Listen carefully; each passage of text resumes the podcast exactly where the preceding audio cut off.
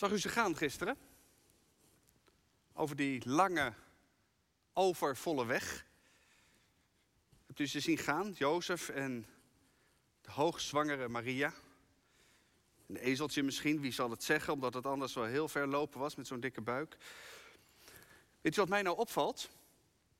Ik heb eens naar een heleboel kinderbijbels uh, zitten kijken. We blijken er nogal wat in huis te hebben. En telkens als je in die kinderbijbels Jozef en Maria op zo'n plaatje ziet, lopen, dan zijn ze alleen. ze zijn alleen onderweg, ze kloppen alleen aan bij de herberg, ze overnachten alleen in de stal.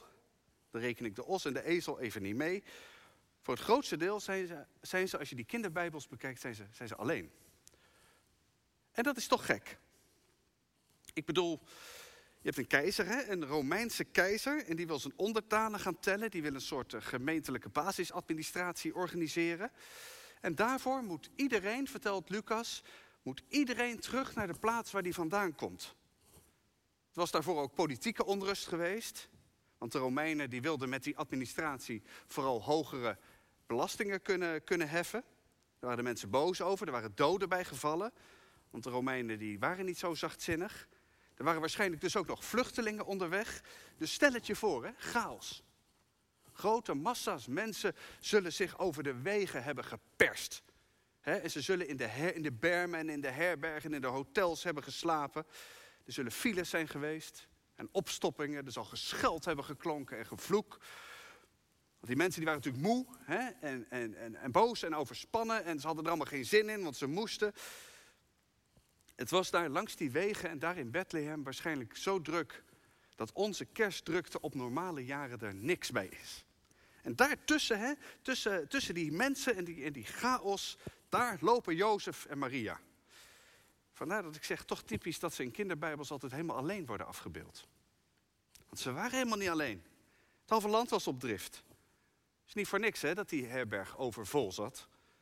Ze, niet voor, ze moesten niet voor niks uitwijken naar de binnenplaats bij de dieren. Maak daar trouwens in je hoofd niet al te romantisch een gezellig stalletje van. Hè? Het was waarschijnlijk gewoon een binnenplaats. En ze waren daar bij die dieren en bij die voerbak waarschijnlijk ook wel helemaal niet alleen. Wie zal het zeggen? Waren er daar op die binnenplaats ook veel meer mensen die ook geen onderdak hadden kunnen vinden voor de nacht? Waarom staan ze dat toch altijd alleen op al die plaatjes? Eigenlijk, het klopt misschien niet met de feiten, maar eigenlijk is dat wel heel logisch. Wacht maar af. Het is weer kerst in lockdown. Een van de strengste zelfs sinds het begin van de coronacrisis. En de vaccins waarvan we vorig jaar nog zeiden dat die ons uit de crisis zouden trekken, daar zijn we nu een jaar verder ineens een stuk minder zeker van. En misschien zit je zelf ook wel behoorlijk eh, in de knoop inmiddels. Met die lockdown, de kinderen thuis, met de eenzaamheid, het mensen niet, niet kunnen zien, niet kunnen knuffelen. De onzichtbare dreiging van weer een nieuwe variant. Het is, het inmiddels niet vreemd meer om te zeggen dat wij moeten leren leven met het virus. Er wordt al geroepen dat we ons leven daar permanent op zullen moeten inrichten. Dat lockdowns bij het leven horen. En de kerstvakantie misschien wel standaard langer moet en de zomervakantie korter. Het lijkt me persoonlijk nog een beetje overdreven om nu al over dat soort maatregelen te beginnen. Maar het roept allemaal wel de vraag op: wordt het allemaal ooit nog anders? Wordt het ooit weer normaal? Wat mag ik daar nou van, van hopen? Wat mag ik hopen van volgend jaar? voor 2021, ik stipte het in mijn vorige preek bij de doopdienst van 5 eh, december ook al even aan, waren de verwachtingen hoog gespannen. Het zou een heel ander jaar worden dit jaar. Wat gaan wij nou hopen van 2022? Daar wil ik het uh, op deze tweede kerstdag met het evangelie van het wonder van kerst nog in ons achterhoofd en voor ons de jaarwisseling, daar wil ik het graag eens met u over hebben. Als je weet hè, van het wonder van kerst, dat God, uh, zoals de paus het zo prachtig in zijn kerstnachtpreek zei, hè, dat God onze God wil zijn door onze broeder te worden. Als je dat gelooft hè, en als je je nou daardoor laat, laat, laat inspireren en voeden en de weg wil laten wijzen, wat mag je dan werkelijk realistisch hopen voor deze wereld? En hoe het verder zal gaan met, met jezelf? Voor een antwoord op die vraag wil ik je graag meenemen bij Jozef en Maria vandaan. Naar vele eeuwen daarvoor naar een andere koning dan, dan die keizer Augustus. Die heerste ook over een heel ander rijk. Maar verder in gedrag en zo leken die twee behoorlijk op elkaar. En die koning die heet Nebukadnezar. Er is een koninkrijk, Babel, Babylonië. Moet je je voorstellen, dat was zo ongeveer het grootste en machtigste rijk van die tijd. Een beetje zoals Amerika of, of China nu.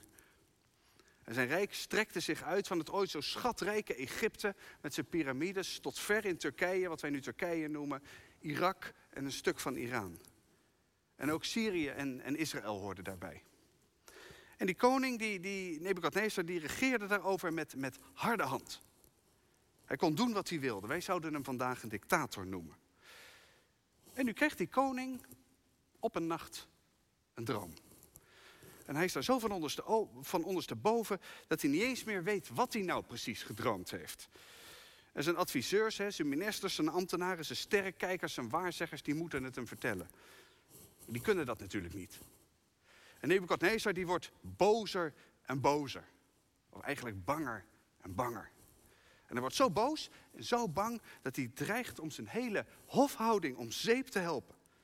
Heersers die heel erg bang zijn en heel erg machtig, dat is een enge combinatie vaak. En dus rent iedereen doodsbang voor zijn eigen hachje door de gangen van het paleis. Er zijn mensen die de, de nieuwe lockdown hè, en de QR-code en zo een vorm van tirannie noemen. En nu mag je het van mij enorm oneens zijn met alle coronamaatregelen. Maar tirannie, dit is tirannie. Hè? Een koning die zijn onderdanen desnoods vermoordt... omdat ze hem niet kunnen vertellen wat hij heeft gedroomd. En ten einde raad bedenkt een van die hovelingen ineens... hé, hey, er was nog zo'n jongen ergens in het paleis, Daniel. Een print was gegijzeld, was meegenomen. En die jongen die heeft een bijzondere God. Dus die jongen die wordt voor de koning gesleept. En nou denk je waarschijnlijk dat Daniel niet bang is van binnen. Ook als je op God vertrouwt met heel je hart, kan datzelfde hartje nog steeds bonzen in de keel. Maar Daniel die begint, begint toch maar te praten. En als je dat Bijbelgedeelte leest, en ik heb dat expres meegelezen, dan zie je hoe ontzettend lang die erover doet voordat hij bij zijn punt komt. Alsof hij ook niet helemaal precies weet wat God hem gaat vertellen op dat moment. Maar uiteindelijk, uiteindelijk is hij dan toch zover en dan zegt hij, u heeft een visioen gehad. U zag vannacht een groot beeld. En de koning knikt. Hij weet het weer. Hij had het mooi gevonden, dat beeld, en ook wel een beetje, beetje eng. Het hoofd van dat beeld was van goud. Gaat Daniel verder. De schouders en de borst waren van zilver.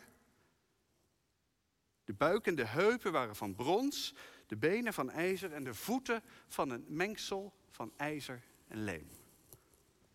Goud, zilver, brons, ijzer, ijzer met leem. Zie je het voor je? En als Daniel door de geest van God ingegeven dat beeld heeft getekend, dan hoeft hij eigenlijk al nauwelijks meer te vertellen aan de koning en aan iedereen wat die droom betekent. Dat wist iedereen in die tijd. Die metalen, dat zijn tijdperken, perioden, koninkrijken. Wij kennen dat ook nog wel, hè? de 17e eeuw, die noemen wij de Gouden Eeuw. Omdat dat voor ons land zo'n succesvolle tijd was. Misschien niet voor iedereen, maar wel voor veel mensen. Op die manier dus. Het gouden hoofd, o koning, dat bent u. Nou, je moet je voorstellen dat die koning meteen al zijn, al zijn spanning kwijt is. Hij zit te glimmen op zijn troon. Maar na u, na u, komt er straks een ander rijk. Van zilver. Net ietsje minder dan, dan dat van u, maar nog steeds fantastisch. En daarna komen rijken van brons, ijzer en ijzer met leem. Wat zijn al die koninkrijken, die tijdperken? Nou, na Nebukadnezars rijk zouden de Perzen komen. Tijdens de regering van zijn kleinzoon zouden ze Babel binnendringen en Daniel die zou dat allemaal nog gaan meemaken. Daarna de Grieken, onder aanvoering van Alexander de Grote. Daarna weer andere rijken van het harde ijzer of van het onvaste ijzer met leem. En veel mensen hebben sindsdien moeite gedaan om al die rijken precies vast te stellen en namen te geven. Het Romeinse Rijk bijvoorbeeld, noem, wordt dan genoemd. Of zelfs de Europese Unie, ijzer met leem. Maar dan, ik wil niemand zijn genoegen ontnemen, Maar dan mis je het punt bij dit soort beelden. Het is uiteindelijk helemaal niet zo ontzettend belangrijk welke namen die rijken nou precies hebben. Want in dat oude denken over tijdperken als metalen kwam na het brons hè, en het ijzer op een gegeven moment vanzelf het goud weer terug. En daarna weer het zilver en weer het brons en weer het ijzer. Als een kringloopje, zeg maar. Zoals na regen zonneschijn komt en dan weer regen en dan weer zonneschijn. En nu eens gaat het goed met jouw land. Gaat de economie, schiet de hoogte in. Hè, en dan gaat het weer een poosje minder. Nu lossen we het ene probleem na het andere op. Dan krijgen we ineens te maken met een virus dat alles lam legt. En vergis je niet, na dit virus komt er wel weer wat anders. En hetzelfde geldt natuurlijk voor je eigen leven. Hè? Je kunt denken dat uh, als alles goed gaat, hè, als alles van goud is, in je relatie, je gezin, je werk, noem maar op, dat het nooit anders zal worden. Of andersom, dat de somberheid nooit gaat verdwijnen. Of het verdriet. De donkere periode van, van eenzaamheid, dat die, dat die nooit weg zullen gaan. Dat je nooit getroost zult kunnen worden. Ook dat verandert. Je gelooft het nu misschien niet, maar het is wel waar. Na een gouden tijd komt ook weer een mindere. En ik hoop voor je dat na een harde periode van, van ijzer met leem ook weer zilveren en misschien zelfs wel gouden jaren zullen volgen. Wordt het volgend jaar anders? Ja, het wordt anders. Wordt het beter? Nou, misschien wel, laten we het hopen. Blijft het dan ook beter gaan? Wordt uiteindelijk alles vooral mooier in deze wereld? En is de coronacrisis hè, alleen maar een, maar een hikje onderweg daar naartoe? Ik zou er niet op rekenen. Niet zolang wij gevangen zitten in dat beeld van goud en zilver en brons en ijzer en ijzer met leem. Wie gelooft in de, in de God van Israël, zoals Daniel, die hoopt ook ergens anders op. Die hoopt op een ander soort toekomst. Want die droom van Nebukadnezar die is nog niet voorbij.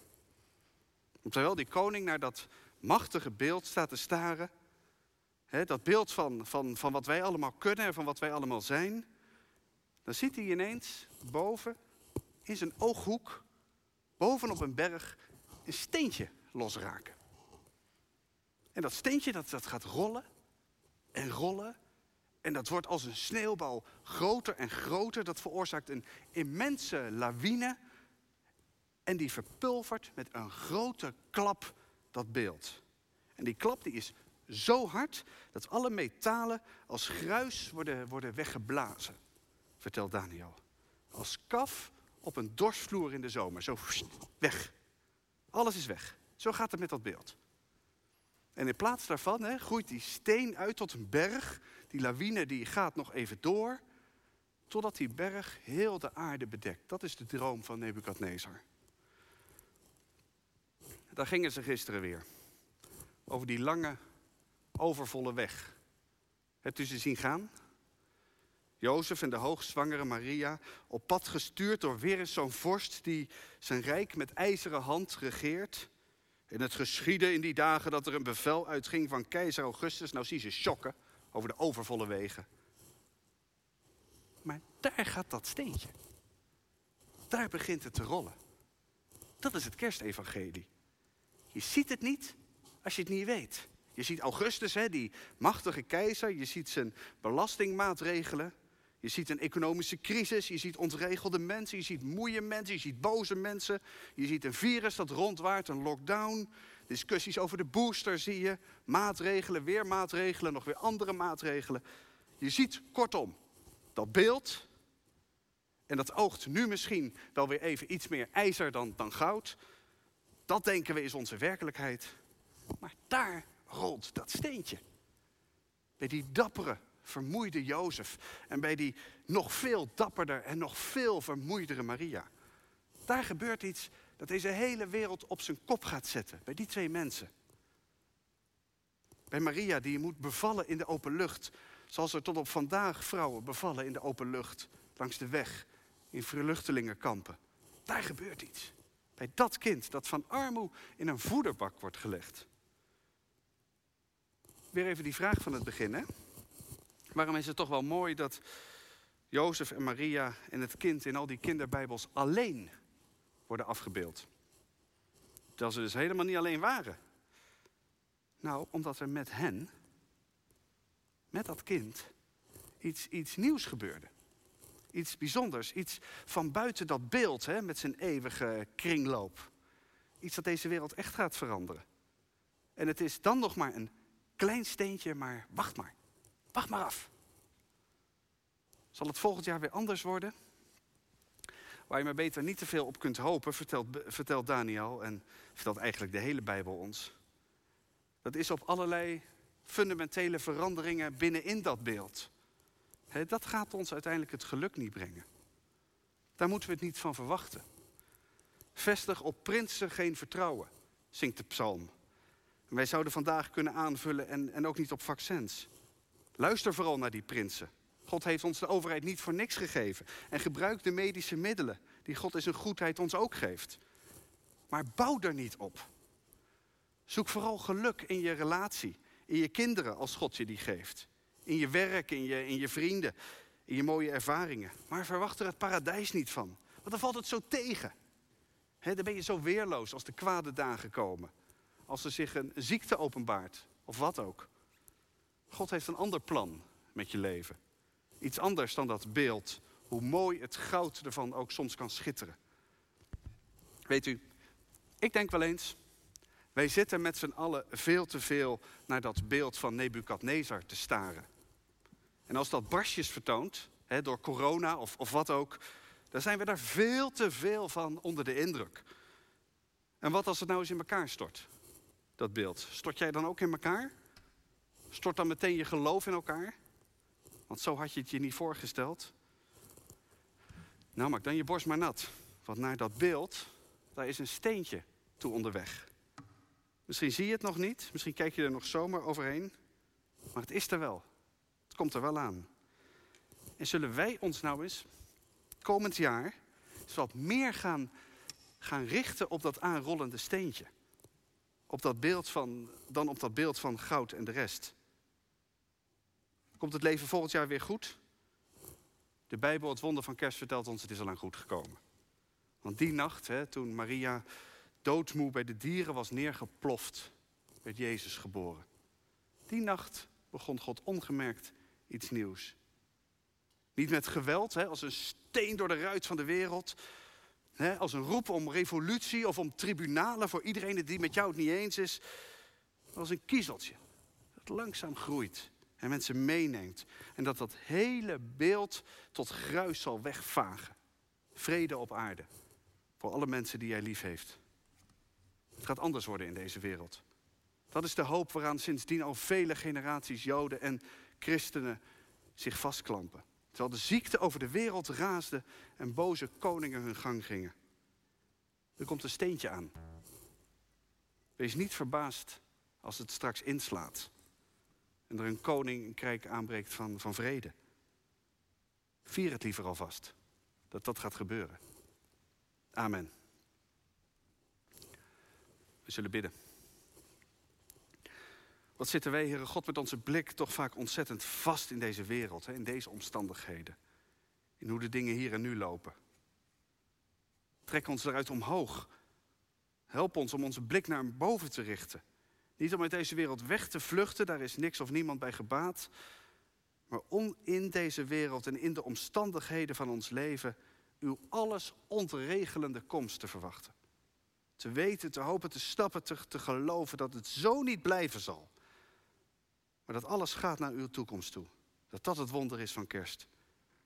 Zegen ons in de dagen die gaan komen, straks op de grens van oud en nieuw. En wees onze God, ook straks in 2022. In Jezus' naam. Amen.